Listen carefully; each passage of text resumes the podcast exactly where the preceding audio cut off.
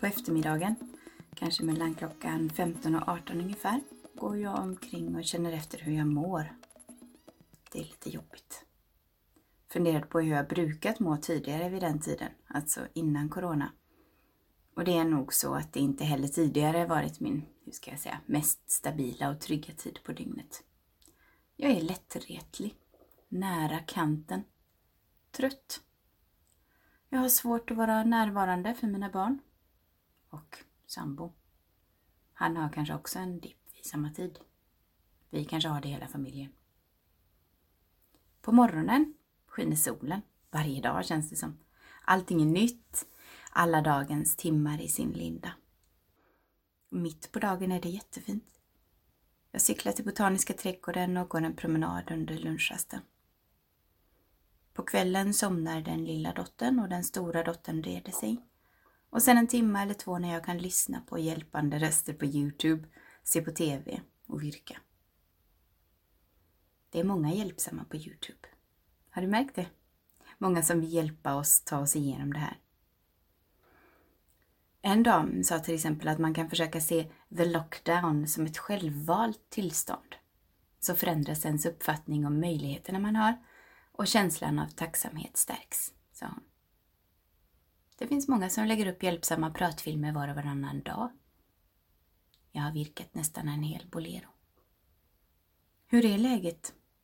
Hur kommer det att bli med allting? Maten i affärerna, barnen i skolan, jobben, hyran. Jag håller på med en recension av en bok som heter On Truth av Simon Blackburn som bland annat skrivit The Oxford Dictionary of Philosophy. Det var väl fasligt lägligt, var det inte det? Hur många har egentligen dött i Kina, i Sverige? Vad är sant? Jag läste att Slovenien bromsat sitt planerade 5G-program eftersom Wuhan fick 5G precis före de första sjukdomsfallen. Är det sant? Hur ska jag få reda på sanningen? Journalisten kanske bara skrev något som någon annan sa. Kanske alla journalister gör det. När alla jobbar hemifrån, vem rapporterar? Vem rapporterar från fronten? Någonting är sant. Detta sanna påverkas inte av vad som rapporteras eller hur många som håller med. Ingen behöver hålla med faktiskt. Det är också möjligt att inget av det som rapporteras är sant, om man nu ska dra tanken hela vägen åt det hållet. Sanningshalten höjs inte av att många upprepar samma sak. Det sanna är sant ändå. Vi kan inte rösta fram sanningen. Eller? Är det precis det vi alltid gör? Rösta fram sanningen. När vi säger det är fel att aga, har vi inte tillsammans bestämt vad som är vad? I Sverige tycker vi att detta är sant. Information, statistik, kartor och kurvor, uppmaningar, upprördhet. Vem vet? Vem vet? Vad är det vi behöver veta sanningen om? Vilken fråga ska vi ställa? Vad är det vi behöver veta? Sanningen om smittsamheten, orsakerna, botemedlen. Sanningen om vad vi kan göra själva. Sanningen om framtiden. Sanningen om vilka vi är och vår plats i universum och den tillfredsställande och uppbyggliga etik som upplysningsfilosoferna menade skulle följa om vi bara visste vilka vi var.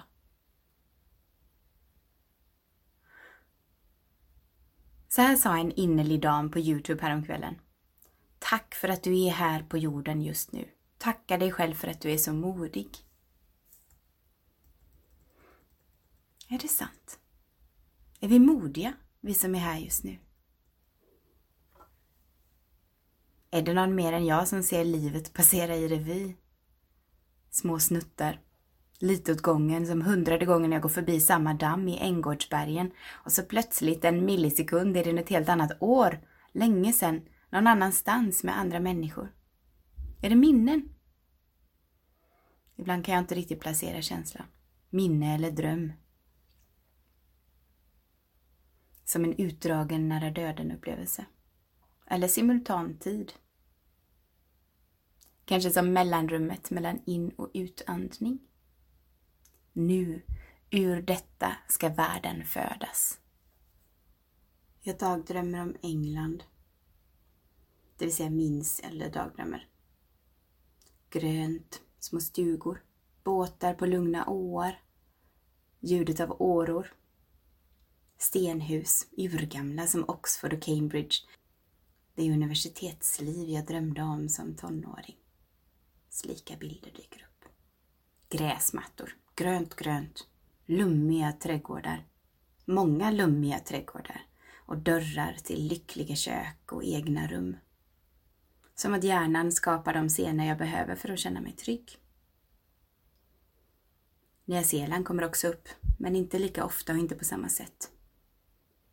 Nya Zeeland känns mer hisnande. Är jag rädd att aldrig mer få återse det? Eller bara rädd att tappa bort det? När jag bodde där var mitt hjärta vidöppet och jag hade ingen hud. Det var underbart och jobbigt. Jag var överväldigad och instabil. Och jag är så glad att det var där jag var under den viktiga tiden. I juli är det 20 år sedan jag reste dit. Jag minns hur vi sa då. En dag ska vi säga, för 10 år sedan gjorde jag det och det, för 20 år sedan. Vi skakade på huvudet. Det gick knappt att tro. Tiden, tiden. Vad fyller vi vår tid med? Vad vår tid fylls av? Våra vakna timmar. Hur säger man? Livet är en tredjedel sova, en tredjedel jobba och en tredjedel... En tredjedel liv. Jag sätter på TVn häromkvällen. Det gör jag inte särskilt ofta, men nu är det ju ovanliga tider. De visade Poirot med David Suchet. Ett litet tag glömde jag corona. Det var så skönt. När jag sätter på datorn i morse visade startskärmen en bild från Skottland. Ett slott och en stenbro och berg i bakgrunden. Jag överrumplades av den också. Skottland, Skottland, var det som att någonting i hjärttrakten ville påminna mig om. Jag måste våga till Skottland. Som om ingen någonsin mer skulle resa utomlands. En gång i gymnasiet skrev jag ett arbete om filmen Trainspotting. Framförde något slags föredrag inför klassen med låtsad skotsk accent. Är det 90-talet jag saknar? Mina tonår som jag alltid säger att jag är så glad att ha lämnat. Vad är det med mig? Kanske håller jag på med något slags inre integration. Det vore bra i så fall. Reagerar jag starkare än någonsin? Jag som redan reagerar extra starkt. Jag hörde It must have been love med Roxette igår förmiddags. Den har jag sannerligen inte hört på väldigt länge. Och började storgråta.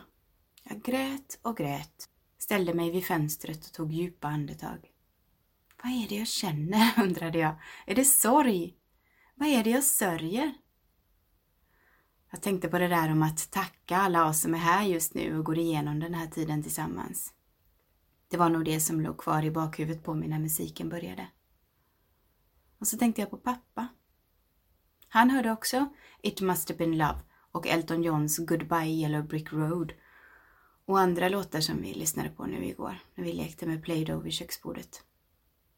Men nu är han inte här. Det är nästan precis 17 år sedan hans begravning. Jag minns vad jag hade på mig. Jag minns vad det var för väder. Jag minns det exakt. Jag minns att jag tänkte att Susanne Vega som sjöng Only tears shall make you free måste sjunga om någon annan. För mina tårar tog bara inte slut. De strömmade och rann och ingen frihet fanns i sikte.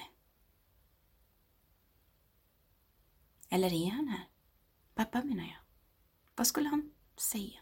Vad skulle jag höra om jag kunde höra vad han sa? Om han kunde se allting som händer just nu från ett större perspektiv och berätta sanningen för oss. Hur annorlunda var inte världen för 17 år sedan, för 20 år sedan, för 30 år sedan när vi lyssnade på It must have been love för första gången. Jag har aldrig längtat tillbaka till barndomen. Seg var tiden. Nu ser jag hur tjockt och trögt det förlöpte, hur svårt det var att förändra och att förändras. Tiden. Hur annorlunda är den inte? Min morbrors fru fick två barn 1965 och 1975. När hon skulle föda andra barnet behandlade de henne som en förstföderska eftersom det hade gått så lång tid, berättar hon nu när jag fick mitt andra barn, också tio år efter det första, 2008 och 2018. Är tio år en helt annan sak nu för tiden? Förstföderska, för mig var det inte alls så. Inte alls. Som om rymden mellan årtalen numera är mycket mer luftig, eller vad man ska säga. Tiden mindre trög. Jag tror inte att det bara känns så för att jag har blivit äldre. Tänk musiken 1965 och så jämför med 1975. Helt olika sound, jättelätt att placera. Så 1985 och 95. Vi jämför sedan 2005 och 2015 eller 2020. Skillnaderna är väl mindre? En Facebook-post som jag såg häromdagen. What a decade March has been. I din värld, hurdana är folk för det mesta? Menar de väl, trots att det blir fel ibland? Finns det onda krafter i världen? Vad har de för agenda? Är det någon som vill manipulera dig? Vad är det de vill att du ska tro? Vad är det de vill att du ska göra? Minns du allt dumt som gjorts mot dig, sagts till dig? Vill du ge igen? Ska du ge igen?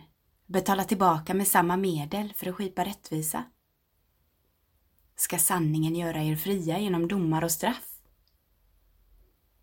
Tänk att vakna efter själens mörka natt och ha förlåtit allt och alla. Paradiset! Eller? Är det inte lustigt? I Sverige är det högern som vill att vi ska ta det hela på större allvar. I USA är det demokraterna, inte republikanerna. Var står du? Hur övertygad är du om att du har rätt?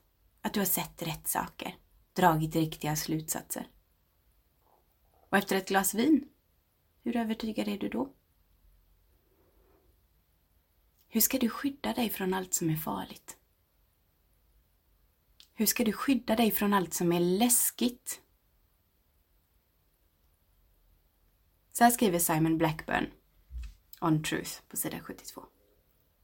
Instead of facts first, with method analyzed in terms of its contribution to fact, we look at the methods first and then describe fact in terms of the ideal endpoint, which we may never reach, of satisfactory applications of method. The question at the forefront of our minds should not be what is aesthetic, etc., fact, but what makes for a good aesthetic, etc., inquiry. Blackburn liknar detta vid två etikskolor. Den ena, Facts First-skolan, är att först tänka sig det bästa för människan, summum bonum, skriver han, och sen föreställa sig att ett bra beteende är sånt som bidrar till detta. Ett exempel på det är utilitarism där man mäter godhet efter resultatets lyckomängd, så att säga. Den andra, Inquiry First-skolan, är som Aristoteles dygdetik. Där börjar man med att fundera över egenskaper som möjliggör ett gott liv. Så, vi lägger frågan om vad som är coronapandemi-fakta tillfälligt åt sidan. Istället beskriver vi nu först vår coronapandemiundersökning. Vad särskiljer just detta sanningssökande? Vi låter det belysas av följande ledstjärnor. Att leva tillsammans, meningsfulla jobb i en hållbar värld, att träffas igen och att se varandra, att uppskatta, älska naturen, att älska den friska luften, att vilja och kunna tänka själva. Vi lyssnar på varandra. Vi lyssnar på alla möjliga och sen känner vi vad som är rätt för just oss. Vi lär oss urskiljning och bedömning. Hälsan. Ty den som är frisk vill många saker. Den som är sjuk vill bara en. I ljuset av dessa ledstjärnor söker vi metodiskt sanningen om orsaker, åtgärder och framtiden. När någon pekar finger ser vi dem i detta ljus.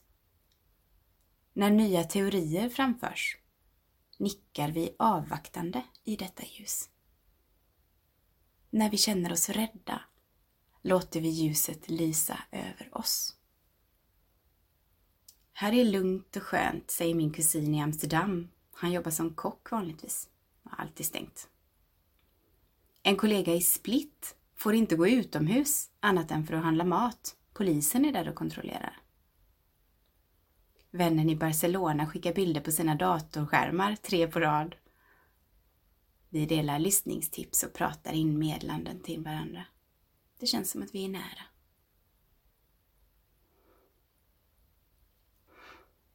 Before enlightenment, chop wood and carry water. After enlightenment, chop wood and carry water.